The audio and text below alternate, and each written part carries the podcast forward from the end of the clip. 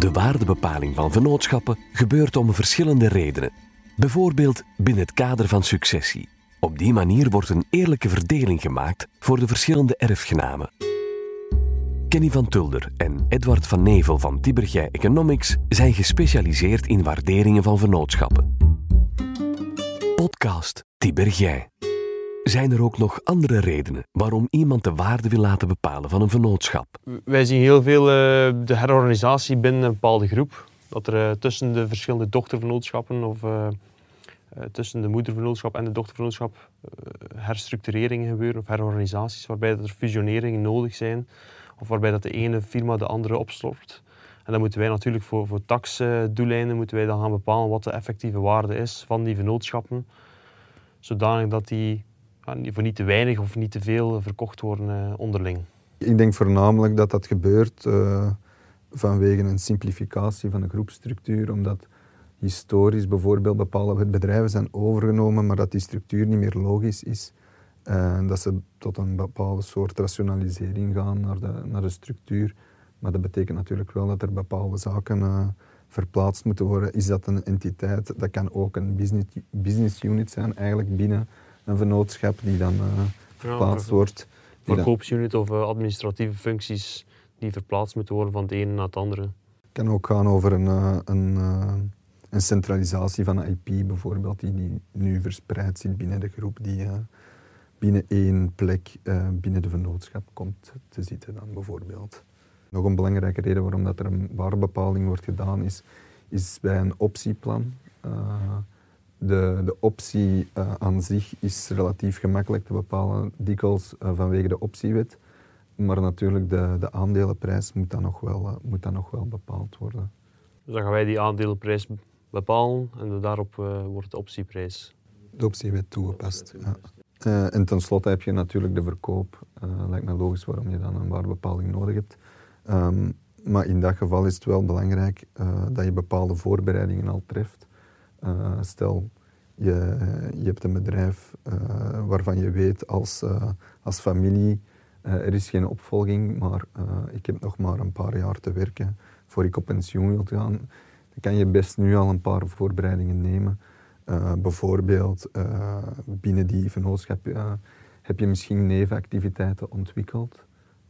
andere activiteiten, fastfood bijvoorbeeld, is, is een heel, uh, recurrent voorbeeld, heel recurrent voorbeeld um, dat, je, dat je die al gaat, uh, gaat afsplitsen.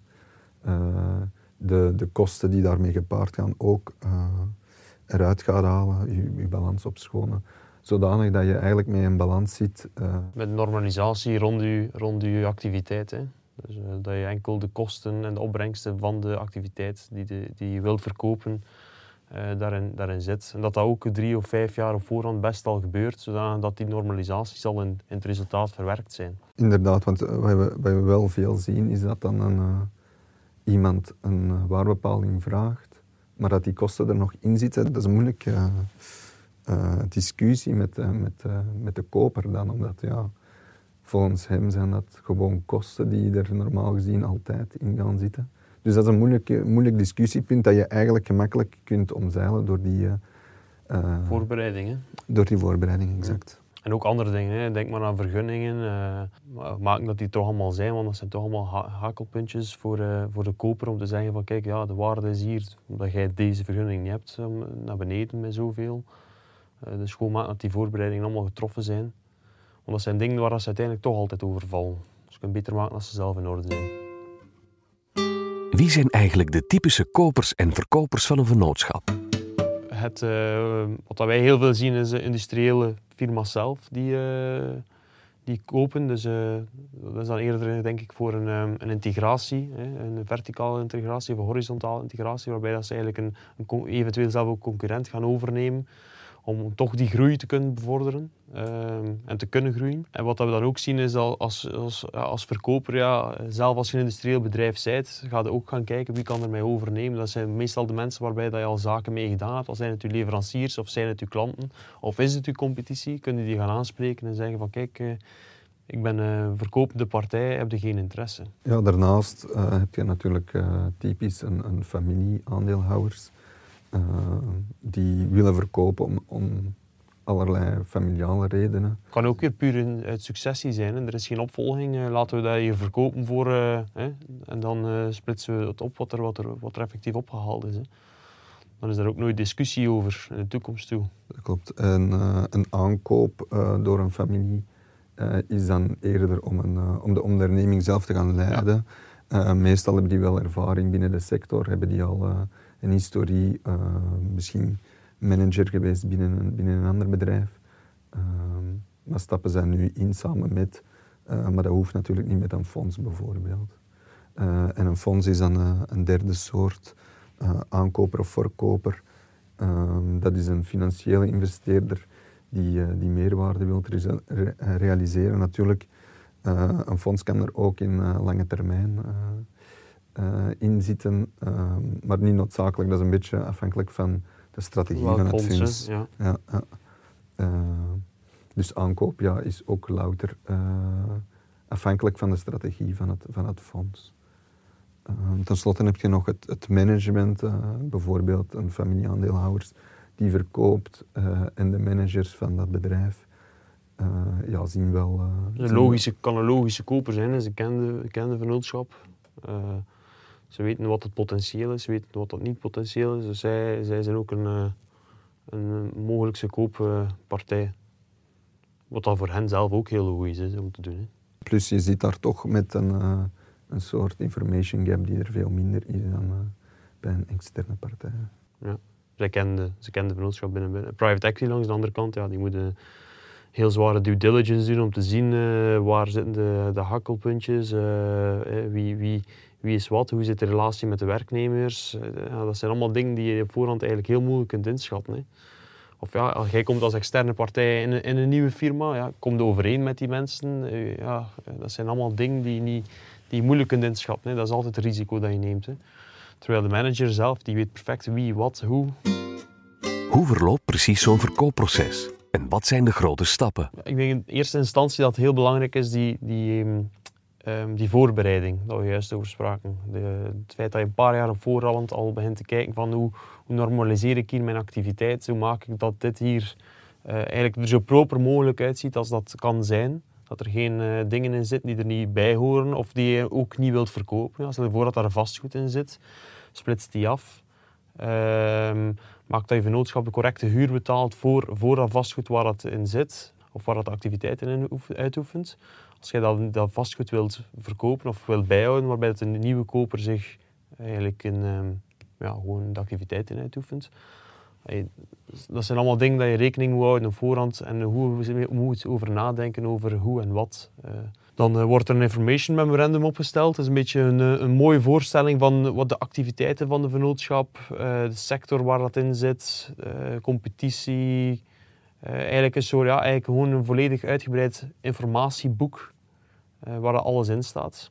Maar niet super gedetailleerd in de financials, eerder in, in de markt. Daar gaan wat financials in staan met, met potentieel, et cetera, maar er gaan, geen gedetailleerde financials in, zitten. Ja, dan wordt er uh, een waardebepaling gedaan. Die is een beetje afhankelijk van de, de motieven van de verkoop. Bijvoorbeeld, wil ik er het maximum uithalen, de prijs? Of wil ik eerder zien van, oké, zeker in een, in, in een gegeven waarbij, dat, waarbij een familie hun, hun KMO verkoopt, ja, dat is natuurlijk hun, hun kindje een beetje. Dus die willen gaan zien van ja, die, die kopende partij gaat die goed zorg dragen. Voor mijn vennootschap gaan de, gaan de, de werknemers bijvoorbeeld ja, mogen blijven. Als, als dat een belangrijk punt is, ja, dan dat heeft natuurlijk effect op, op de waardebepaling. daarna wordt er een, een, soort van longlist van potentiële kopers opgesteld. Ehm, waar daar dan, die worden gescreend om te komen tot een shortlist. Uh, waarna uh, die shortlist worden gecontacteerd um, met, um, ja, die krijgen dan een uh, non-disclosure um, overeenkomst en die information memorandum die is opgesteld met de voorstelling van, van het bedrijf zelf. En dat wordt gezien of die verder interesse hebben om mee te gaan in het koopproces. Inderdaad, als er dan een partij toe hebt, laat het ons zeggen, Uh, dan, dan start de onderhandeling, die gaat dan uiteraard in eerste plaats over de, over de prijs. Daarna wordt er dan eerder gediscussieerd over hoe dat die uh, prijs bepaald gaat worden. Maar ook een belangrijke is van ja, die, die verkopende partij. Gaat die nog een, een soort van uitloopperiode krijgen binnen, binnen het bedrijf? Gaat die misschien als werknemer aan de slag? Gaat die, of stopt die gewoon? natuurlijk, als die als werknemer aan de slag gaat, wat is de vergoeding? Ja, het zijn allemaal dingen die dan besproken worden voor een beetje het animo te bekijken van de koper en de verkoper voor de, de terms die ermee gepaard zullen gaan. Hè. Inderdaad, en dan, dan wordt er meestal overgegaan tot een uh, due diligence. Uh, dat is eigenlijk een, een grondig, gedetailleerd nazicht, een financieel, fiscaal, van, van wat er in, eigenlijk in die entiteit zit. daar kunnen dealbreakers uit voorkomen natuurlijk. Er kunnen andere zaken aan het licht komen die, die leiden tot een prijsaanpassing die, die voorheen onderhandeld is bij het overnamecontract. Uh, dan is er een, uiteindelijk een onderhandeling van het over, overnamecontract zelf. Dus aan de hand van de eerdere onderhandelingen en de due diligence. en dan wordt er eigenlijk overgegaan tot een closing als het, als het leidt tot een succesvolle onderhandeling. Met de effectieve overdracht. en dan een soort van integratie tussen de twee bedrijven. En daar is het toch wel belangrijk te gaan zien van hoe dat die bedrijfscultuur, dat er verschillen zijn, hoe dat die Wat een goede fit is. Hè? Maar er kunnen ook dealbreakers zijn. Wat zijn zo de voorbeelden waarop een deal kan afspringen? Dingen is een goed voorbeeld. Hè. De vergunningen ook, hè, is ook een heel goed voorbeeld. Of uh, bepaalde litigations, uh, rechtszaken die nog uh, aan het lopen zijn, waarbij er een groot mes boven het hoofd hangt. Ja, als dat dingen zijn die nog twee, drie jaar duren, dat heeft, heeft een effect op uh, het animo van uw koper. Hè. Uh, andere dealbreakers is misschien uh, ja, ook kennis, denk ik misschien. Stel je voor dat de, de, de, manager een bepaalde kennis heeft en die wil niet nog drie jaar verder willen werken. dat, zijn, dat zijn de andere zaken die ook mee akkoord moeten gaan worden. Dat dat effectief iets is dat, dat ze willen. Als de, als de koper geen persoon daarvoor heeft voor dat direct te kunnen doen, moet er een bepaalde overgangsperiode zijn. daar moet mee akkoord gaan worden. En dat hoeft natuurlijk niet, niet per se de, de, de manager, de, de verkopende partij zijn. Het kan ook gewoon over andere onder, uh, werknemers zijn, gaan die, uh, die, die eigenlijk zich eerder verbonden voelen met, uh, met, met de familie. Hè, ja. Met eigenaars. Ja. Hoe wordt precies de waarde van een bedrijf bepaald? dat is aan de hand van, meestal aan de hand van drie waarderingsmethodes. De eerste is de, aangepaste eigen vermogen benadering, uh, waar dat je dus gaat kijken naar de, de marktwaarde van uh, al uw activa en passiva die op, uh, op jouw balans staan. Maar het is eerder een statische methode, omdat ja, die balans is gemaakt per... Eén datum, en dat is, dat is die datum. Natuurlijk, je hebt natuurlijk een potentieel in je vennootschap. Die wordt daar niet gerepresenteerd. Er zijn wel methodes die ja, een mix geven van het statische gegeven en die een soort van rendement in rekening brengen. Maar ik denk dat daarvoor, uh, en daar komen we later op terug, die inkomstenbenadering eerder geschikt is. Natuurlijk is het zo dat de, de eigen vermogen een soort van uh, rock bottom value is voor een, uh, voor een bedrijf, omdat dat toch zeker al vaststaat dat dat de vennootschap waard is. Daarnaast heb je een, een marktbenadering, daar ga je typisch uh, gekend door, uh, en toegepast door, uh, door de eigenaars of, of door iedereen die met waardebepaling bezig is, zijn multiples. Um, dat is een soort van een financiële standaard, bijvoorbeeld EBITDA, waardoor, waarop een multiple wordt toegepast om tot de waarde te komen. Dat is relatief gemakkelijk daarmee dat het zoveel gebruikt wordt. maar ik zeg natuurlijk niks aan, eh, aan de onderliggende financiële gegevens. Omdat je maar één standaard pakt. Uh, je zegt niks over omzet bijvoorbeeld, je zegt niks over uh, het soort kosten dat er, uh, dat er verbonden mee zijn. Je kijkt ook niet echt naar het individuele aspect van, van die vennootschap zelf. Hoe bepalen jullie het advies? Je gaat kijken naar um, multiples die andere vergelijkbare bedrijven hebben toegepast om tot hun waarde te komen of vergelijkbare transacties uh, die geplaatst hebben gevonden binnen de markt. Uh, waar daar, waardoor je eigenlijk een soort van vork van multiples kan, uh, kan bekomen. Dikwijls zijn er wel aanpassingen nodig, omdat ja, als je, zeker als je EBITDA toepast, een, een, bedrijf heeft bepaalde afschrijvingen op basis van een oud machinepark bijvoorbeeld, terwijl een ander een volledig nieuw hebben, waardoor die afschrijvingen toch een, een vertekend beeld kunnen geven bijvoorbeeld. Uh, ook de hoogte van de omzet is natuurlijk belangrijk om in, in, in, rekening te houden hiermee, omdat, ja, omdat de grote bedrijven ten opzichte van kleine vergelijken niet altijd evident is. Um, en ook omdat uh, die grote bedrijven meer, uh, dikwijls meer uh, informatieplicht hebben naar, naar het publiek toe. Waarbij ze transparanter zijn hè? En hoger een EBITDA hebben dan kleinere vernootschappen. Dus moet eigenlijk al sowieso een discount gebeuren tegenover grotere vernootschappen als je zelf een KMO hebt, bijvoorbeeld. Dus die marktbenadering gaan we eigenlijk gebruiken om, om, de, om de andere methode te controleren. En dat, dat, is, dat is een zeer, zeer bruikbare tool daarvoor, vind ik. Um, ten slotte heb je de, de inkomstenbenadering. Dat is eigenlijk de meest gebruikte methode om de, om de waarde te gaan bepalen. En dat gebeurt aan de hand van uh, toekomstige cashstromen, um, die dan verdisconteerd worden naar uh, de huidige waarde, uh, door, door middel van een gepaste verdisconteringsvoet uiteraard. maar die cashstromen is wel, is wel belangrijk omdat um, bijvoorbeeld dikwijls hebben bedrijven wel een soort van businessplan. Die, die zij bijvoorbeeld een jaar geleden hebben opgesteld naar waar dat ze gaan werken de komende vijf jaar. Uh, stel dat wij een waardebepaling doen voor fiscale reden. En we gebruiken dat businessplan. Dat is heel moeilijk voor, voor een fiscus om dat businessplan te gaan aanvallen, omdat het niet noodzakelijk is opgesteld speciaal voor deze waardebepaling natuurlijk, bij inkomstenbenadering ten opzichte van de andere benaderingen heb je meer assumpties nodig, uh, die dan wel uh, dikwijls worden afgestemd uh, met, met de eigenaars van, van, de, van het entiteit, om, om te checken van oké, kijk, we hebben deze assumpties genomen, lijkt, lijkt jullie dat redelijk? We, we, gebruiken natuurlijk die assumpties die onderbouwbaar zijn. Of, of een range ook, hè. we kunnen ook een range maken. Dat we zeiden, dat het management verwacht deze groei, maar in in bepaalde omstandigheden kan die dat zijn. Dan heb je ook weer een range van waardes die je hebt of kunt hebben. Eh, maar de inkomstenbenadering is eigenlijk een tailor-made waardering voor een bepaalde vennootschap. En dan ga je gaan dubbelchecken met je marktbenadering of dat die effectief wel in lijn ligt met wat de markt ervoor betaalt. En meestal is dat wel altijd het geval dat dat, eh, dat, klopt. Hè. Ehm, je hebt ook verschillende modellen binnen die inkomstenbenadering je kan gaan kijken naar kaststromen die beschikbaar zijn voor zowel de eigenaar als voor de schuldeisers bijvoorbeeld. Of enkel naar kaststromen die uh, toekomen aan de, aan de eigenaars. En je hebt andere modellen zoals adjusted uh, present value, et cetera, et cetera. Uh, dus ook daarbinnen heb je nog een soort van...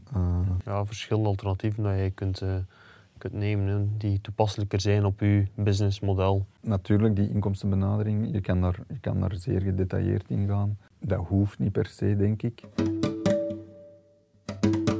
Wat wij meest adviseren is de inkomstenbenadering. En dan doen wij sowieso een, een dubbel check met de marktbenadering of dat die effectief klopt. Wij gebruiken heel zelden of weinig de, de eigen vermogen, het aanpast eigen vermogen. Ja, enkel voor een, eh, voor een holding is dat... Uh wel interessant om het aangepast eigen vermogen toe te passen.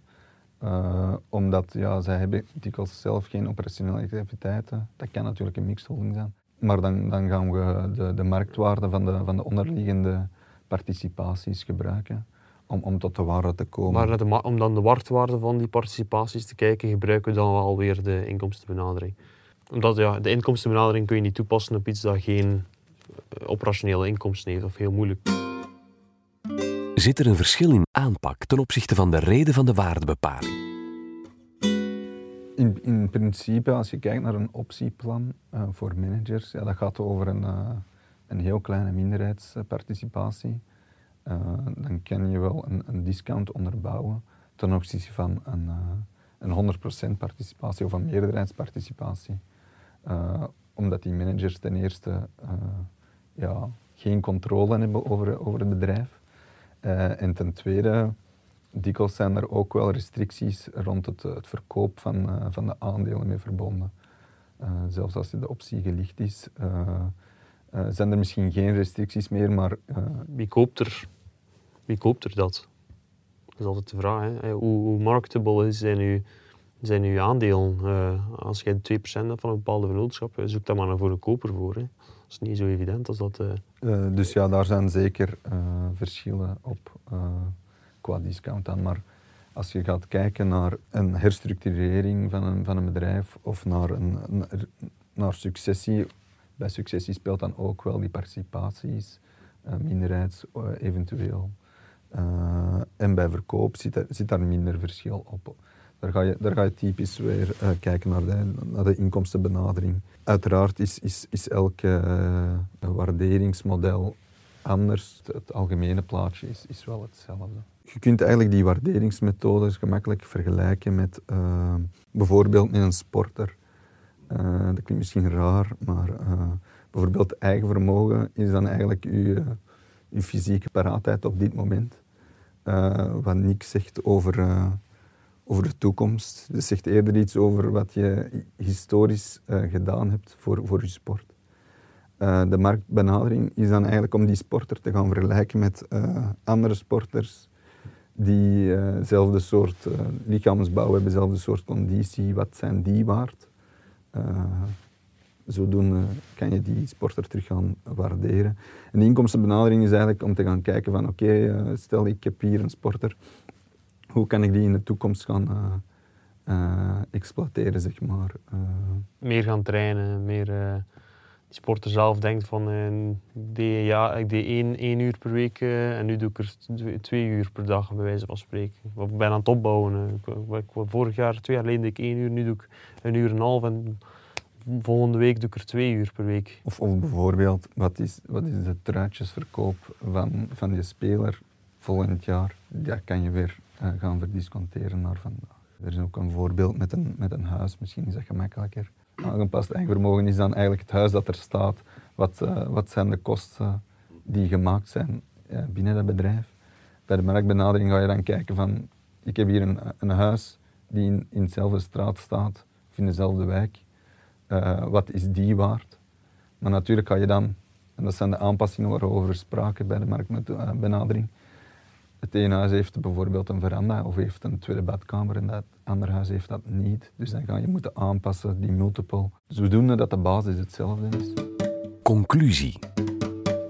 Er zijn niet echt uh, tips uh, met betrekking tot het overnameproces, omdat dat toch iets is dat zeer uh, casusgebonden is. Wat wel belangrijk is, is om zo snel mogelijk ons aan te spreken, denk ik, om, om het proces zo snel mogelijk in gang te zetten om die voorbereiding te doen, om die waardebepaling te gaan doen, uh, om, om geïnformeerd dat overnameproces uh, te starten. In elk proces dat je wilt uh, doornemen met je vennootschap, al is het een successie of bij de verkoop of bij eventuele fusionering tussen verschillende vennootschappen, is het altijd belangrijk om toch die voorbereidingen te treffen en met ons te komen spreken over wat het eventuele doel is van, van de hele transacties of de mogelijke transacties die zullen gebeuren dat wij dat kunnen bijstaan in, in welke voorbereiding dat er effectief moeten gebeuren.